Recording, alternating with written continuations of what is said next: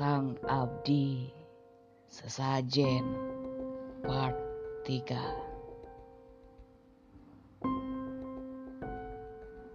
Saya sopir baru di sini. Bila boleh bertanya, ke mana saya harus kembali? Belum selesai mengatakannya, si lelaki menunjuk sebuah pintu. Tidak menjawab kalimat Pak Budi dan di belakang lelaki itu, lagi-lagi ada perempuan lain. Perempuan itu sama diamnya hanya melihat pergerakan Pak Budi melalui bola matanya. Benar saja, pintu itu langsung menuju ke teras rumah. Tanpa pikir panjang, ia pun kembali ke kamarnya. Lelah dengan semua yang ada di rumah ini. Setelah satu minggu bekerja di rumah ini, Pak Budi mulai tahu sesiapa anak lelaki yang ada di rumah ini. Dimulai dari anak kecil itu hingga anak lelaki yang Pak Budi lihat pada malam itu. Kesemuanya adalah cucu dari Ndoro Sastri. Namun, meski begitu, Pak Budi masih belum paham apa yang terjadi pada mereka semua dan apa alasannya mereka tampak sangat misterius seperti itu. Yang pertama adalah anak kecil itu. Ia sering menghabiskan waktunya bermain di kolam ikan bersama perempuan yang menjaganya. Namun, bila dilihat dengan seksama, anak itu lebih sering merangkak dibandingkan berjalan dengan kedua kakinya. Tidak hanya itu yang Pak Budi lihat, tulang kaki dan tangannya tampak berbeda bila dibandingkan dengan tulang anak seusianya yang lebih besar. Ia seperti terjebak dalam tubuh yang kurus. Meski warna kuning kulitnya mengaburkan kejanggalan itu. Bahkan ketika perempuan yang menjaganya membawanya masuk ke rumah, anak itu lebih suka digandeng, layaknya primata. Cara berjalannya seolah mengisyaratkan bahwa tulangnya sangat lemah dan tidak normal. Anak yang Pak Budi temui di malam itu juga tidak kalah aneh. Pak Budi sering kali melihat anak itu. Hanya duduk, memandang teras rumah. Tidak sekalipun Pak Budi pernah mendengar anak itu berbicara sekalipun. Aneh, sangat aneh. Namun, dari kesemuanya, hanya ada satu anak lelaki yang paling normal. Namun, ia tidak menghabiskan waktu di rumah ini. Ia sering kali mengunjungi rumah ini, hanya sebatas bertemu lalu pergi lagi. Dan yang ini tidak ada perempuan yang mendampinginya. Berbeda dengan saudara-saudaranya. Dari kesemuanya, Pak Budi sudah menghitung empat cucu dari Ndoro Sastri. Yang membuat bingung di mana cucunya yang kelima? Hal itu membuat Pak Budi begitu penasaran. Namun seiring waktu, Doro Sastri perlahan seperti tengah mengawasi gelagatnya. Ada hal menarik yang harus banyak orang tahu tentang sosok Doro Sastri. Di balik wajah dinginnya, ia adalah seorang yang tegas, tanpa banyak basa-basi sedikit pun. Meski begitu, ia adalah orang yang sangat loyal Terbukti ia sering kali memberikan uang kepada Pak Budi. Meski Pak Budi tidak meminta, tidak hanya uang. Ia sering kali memberikan barang saat ia berkunjung ke sebuah tempat. Bahkan Pak Budi merasa bahwa Doro Sastri adalah seorang kaya raya yang tidak sombong dengan harta dan pencapaian keluarganya. Namun tetap saja tidak ada yang tahu isi hati manusia. Terlebih saat kejadian di malam itu. Satu minggu sebelum malam itu, Bu Asiri menemui Pak Budi. Beliau mengatakan bahwa Doro Sastri ingin bertemu dan saat ini beliau menunggu di gazebo atas lantai dua. Sebelum Pak Budi pergi menemui Doro Sastri, Pak Budi menatap Bu Asiri dengan tatapan bertanya-tanya. bertanya-tanya akan malam sebelumnya. Di mana tanpa sengaja Pak Budi melihat Bu Asiri pergi ke pondok atau gazebo yang dilarang. Namun, Pak Budi hanya mengintip dari celah jendelanya. Tidak hanya itu, Pak Budi begitu tertarik dengan apa yang dibawa Bu Asiri. Sebuah sesajen lengkap dengan aroma dupa yang sudah dibakar. Semenjak saat itu, Pak Budi semakin yakin ada yang disembunyikan di rumah ini. Ketemulah Pak Budi, sama seperti sebelumnya. Doro Sastri hanya duduk di atas kursi goyangnya. Melihat Pak Budi, ia mengisyaratkan senyuman kemudian menyuruh Pak Budi untuk duduk dengan suara tegasnya yang terdengar seperti orang tua kebanyakan. Doro Sastri bicara. Nah, minggu depan antar ibu ya ke gunung. Mungkin nanti akan menginap di sana. Bisa ya? Menginap berapa hari ya bu?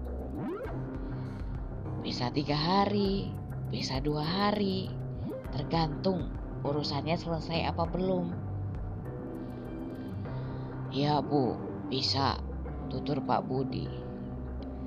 Namun di dalam kepalanya ia bertanya, urusan apa ya yang harus pergi ke tempat semacam itu? Tidak ada apa-apa di sana. Bahkan itu bukan gunung yang menjadi objek wisata. Setahu Pak Budi, gunung itu adalah tempat dari banyak rumor tentang tempat penuh aura mistis. Meski yang didengar Pak Budi hanya sebatas di telinga saja. Namun, ia tidak berhak mempertanyakan apa pun terhadap majikannya, terhadap Ndoronya, karena ia bekerja kepadanya. Meski begitu, Pikiran itu tidak bisa hilang begitu saja. Bersiap untuk pamit, Pak Budi melangkah pergi. Namun, Doro Sastri menghentikannya sejenak. Sebentar dong nak, ibu belum selesai bicara. Pak Budi pun kembali duduk. Begini nak, besok selagi mengantarkan ibu tidak perlu tanya aneh-aneh. Ibu tidak suka ditanya yang aneh-aneh.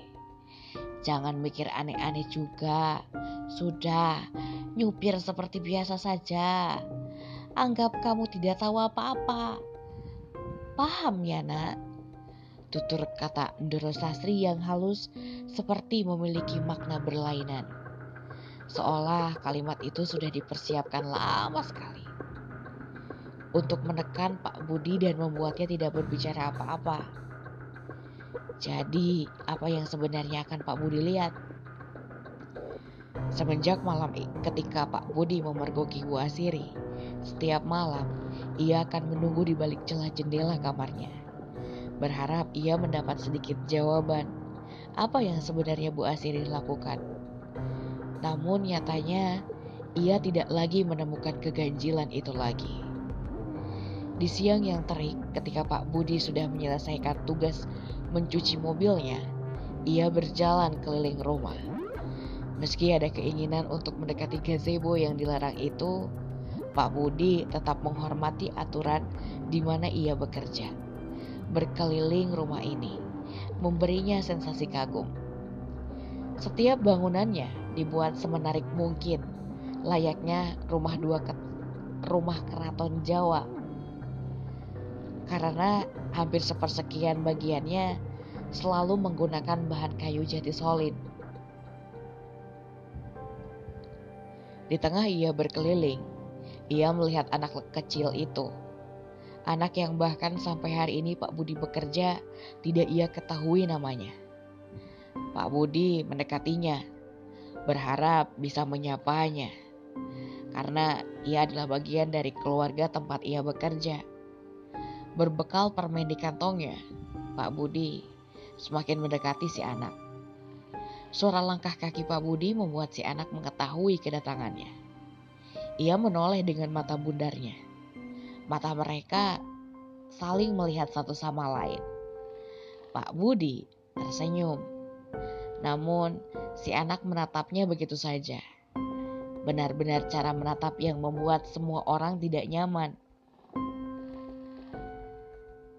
Dek, mau permen? Kata Pak Budi. Si anak masih diam. Tidak ada kalimat atau gerak tubuh. Selain dirasa tidak ada tanggapan, si anak masih tidak juga merespon apa yang Pak Budi tawarkan. Ada sesuatu yang ganjil yang terjadi pada si anak. Ia tersenyum, menunjukkan dua gigi depannya yang berlubang. Kemudian ia menunjuk Pak Budi. Cara menunjuknya tidak seperti cara menunjuk anak seumurannya. Tangannya gemetar naik turun seperti layaknya anak berkebutuhan khusus. Tidak hanya itu, untuk pertama kalinya ia mendengarnya bersuara. Suaranya sangat berat, namun tak memiliki intonasi nada kalimat benar. Terdengar seperti wah wah dan itu membuat Pak Budi tidak mengerti sama sekali. Lalu kejadian itu terjadi. Meski si anak tampak tersenyum memamerkan giginya, ia melihat ada air mata keluar dari dua bola matanya. Seakan-akan ia menangis, menangis dengan ekspresi wajah tersenyum. Lalu si anak membenturkan kepalanya ke lantai, keras sekali. Hal itu membuat Pak Budi berlari menghentikan si anak.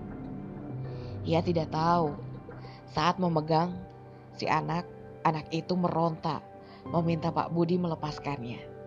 Kuat sekali cengkraman anak itu.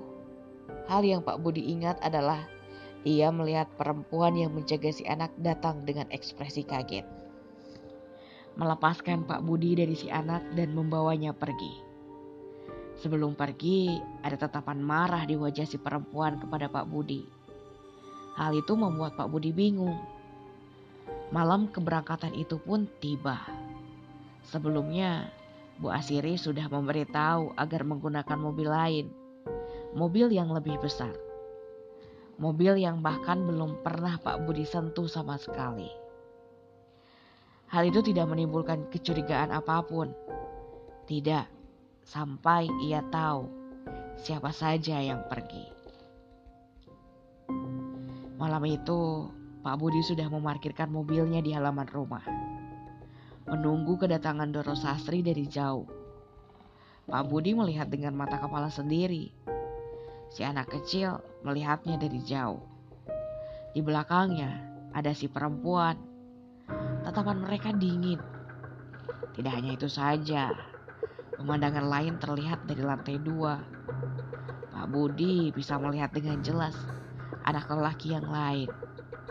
Ia menatap sama dinginnya, sama seperti si anak kecil dari salah satu kamar di lantai dua. Seakan-akan mereka memberi salam perpisahan kepada Pak Budi.